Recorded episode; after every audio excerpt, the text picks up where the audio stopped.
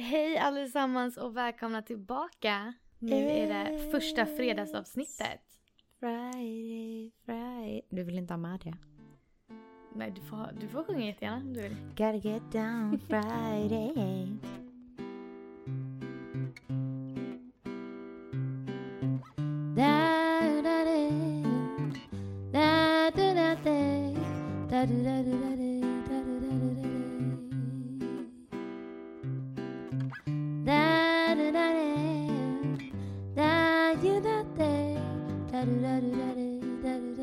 Okej, Vackert. välkomna. Välkomna, välkomna. Vi tänkte att fredagsavsnitten ska vara lite annorlunda. Så istället för att vi bara ska sitta och prata så ska vi istället sitta och prata. så ska vi istället sitta och... Men vi ska sitta och prata om en speciell sak. Vi ska sitta och prata om Reddit stories. Och jag vet inte hur många i Sverige som har hört talas om Reddit. För Reddit är en väldigt stor sak här i USA. Jo men det är nog bara... Alltså jag skulle säga att det faktiskt är sjukt stort i Sverige också. Men det är mycket större bland killar. Mm. Jag hade i alla fall aldrig hört om Reddit innan jag flyttade hit. Det hade jag. Ja, okej. Mm. Så att jag har två stycken historier här som vi ska, vi ska läsa en utav dem. Hanna, Mhm. du ska få välja. Woo! Och vi kommer liksom läsa de här historierna, eller den här historien och sen så kommer vi ge våra åsikter På det. på det. Japp.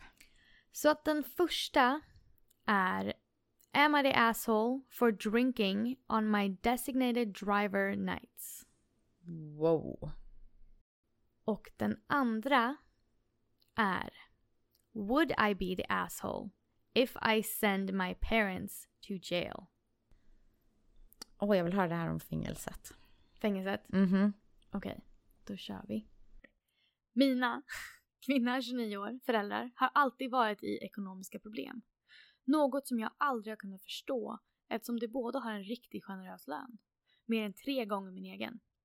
På grund av dessa ekonomiska problem har mina mostrar, farbröder och mormor genom åren lånat ut pengar till dem. Vi har blivit vräkta ett par gånger, som jag vet om. Vi har även haft vatten, elen och internetet avstängt flera gånger. Många saker som jag under åren erkänner har påverkat min känslomässiga och mentala hälsa.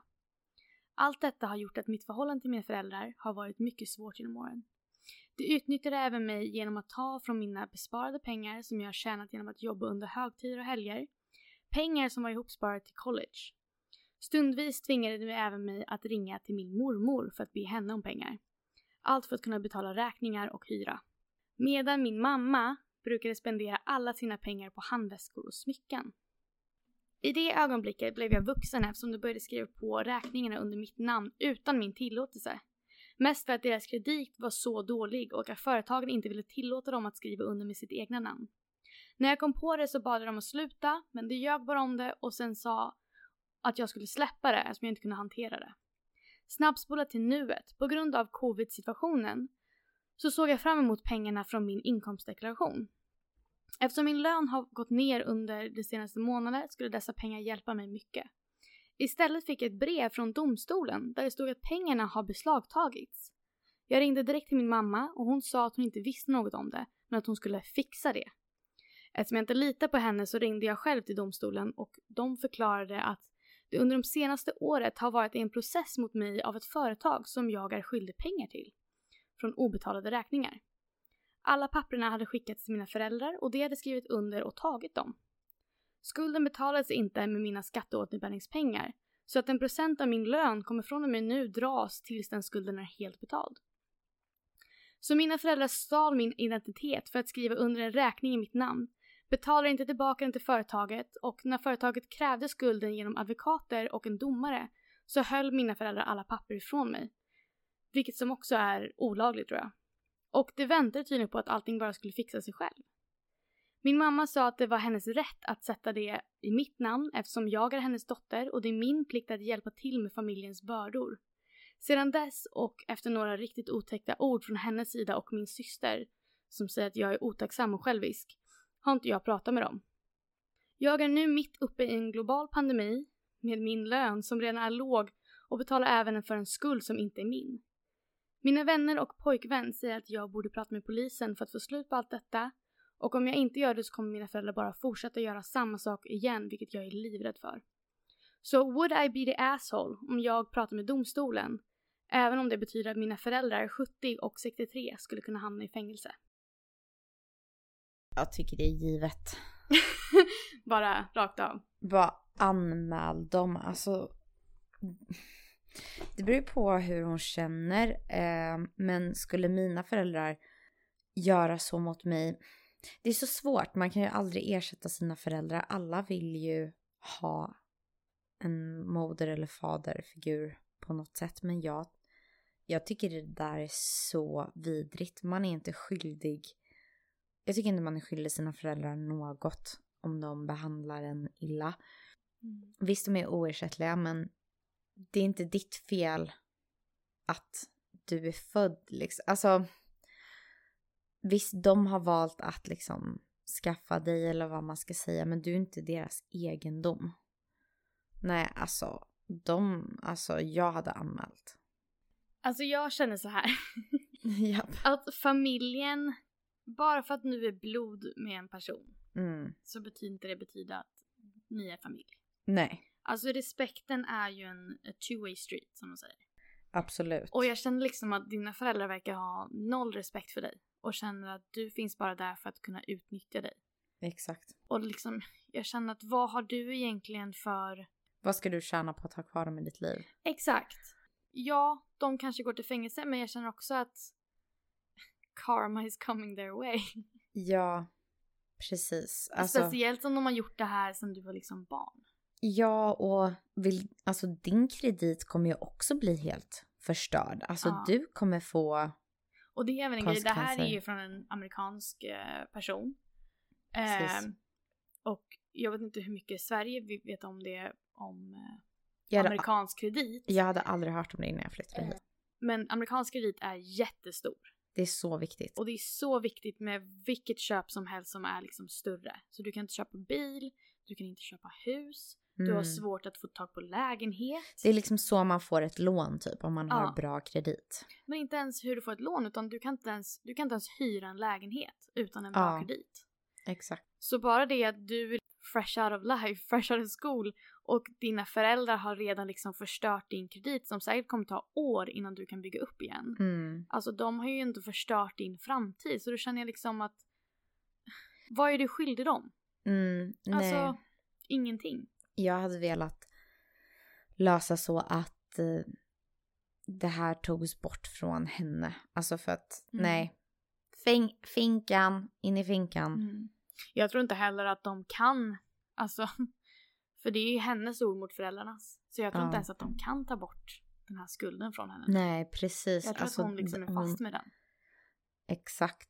Jag hörde om några som hade hyrt eh, en bo- en, ett hus. Mm. Eh, och eh, när de hade flyttat så hade eh, deras namn ändå stått kvar på räkningarna för elen i det Mm. huset. Och personen som bodde där efter dem hade skitit i att betala Ja. elräkningarna i tid. Så hela deras kredit förstördes. Och det Mm. finns inget de kan göra åt det.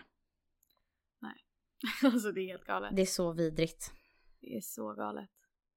Jag vet att Andrew bodde förut med eh, ett gäng killar. Innan vi flyttade ihop tillsammans så bodde Mm. han med ett gäng killar. Och jag vet att en av personerna, jag tror att de var fyra killar totalt, som Mm. bodde i en tre sovrumslägenhet, så en svensk fyra. Mm. Och då den här fjärde killen, han sovde i vardagsrummet. Mm. Men han stod inte med på kontraktet. Nej. Eh, och när covid slog till Oj. så var det under åtta månader där han inte betalade någon hyra. Så att de låg ju alltid efter med hyran. Mm. Eh, och sen så visst det blev specialregler liksom under covid och allting för att det var jättemånga som inte kunde betala hyra. Men Precis. han kunde betala hyra för att han jobbade fortfarande. Han bara ville inte göra det. Ja. Men han blev ju heller inte påverkad. Nej. För att skulle de bli vräkta Mm. då står hans namn ändå inte på kontraktet. Mm.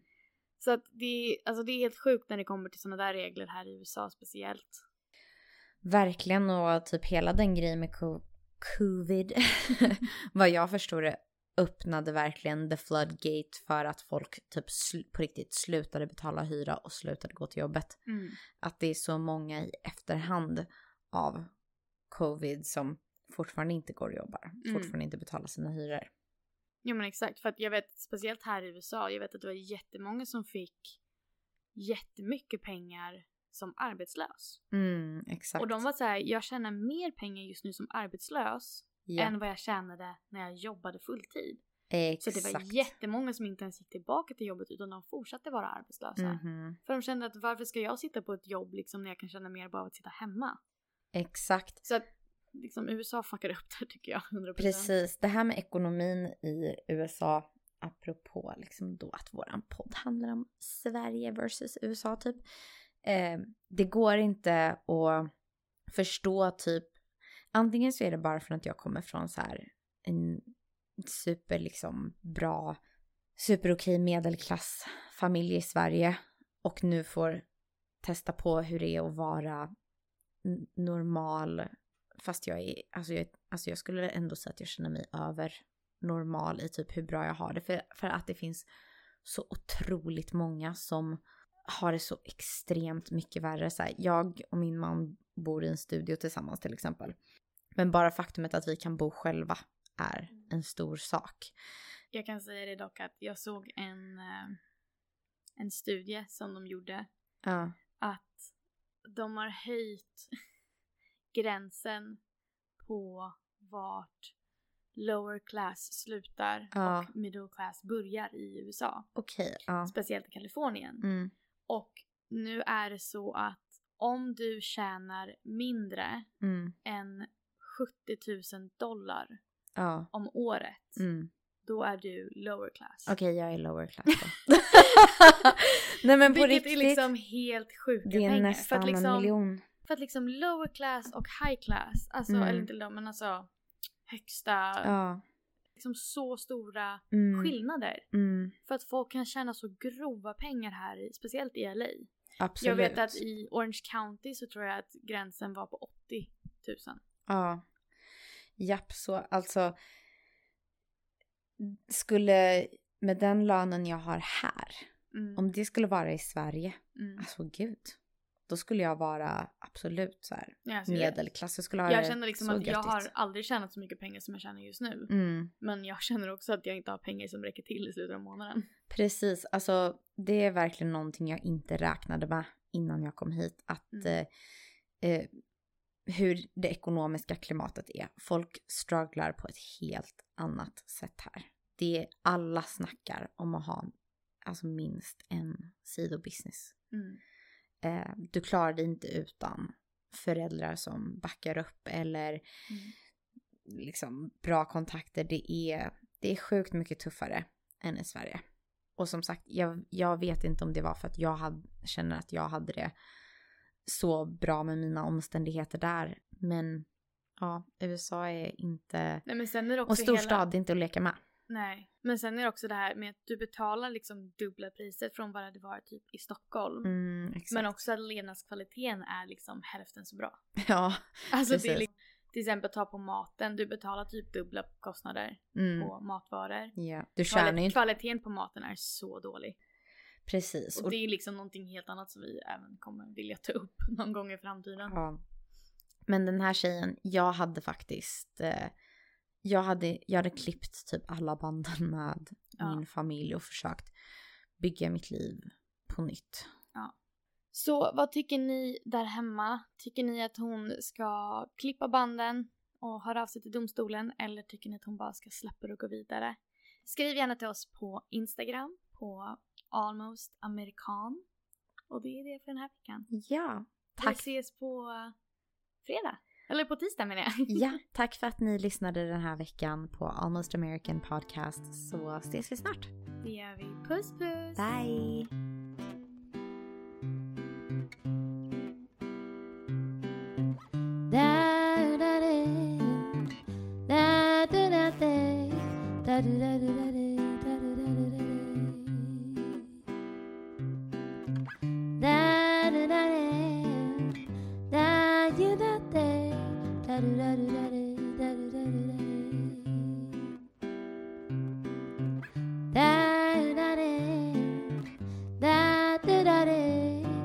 da da da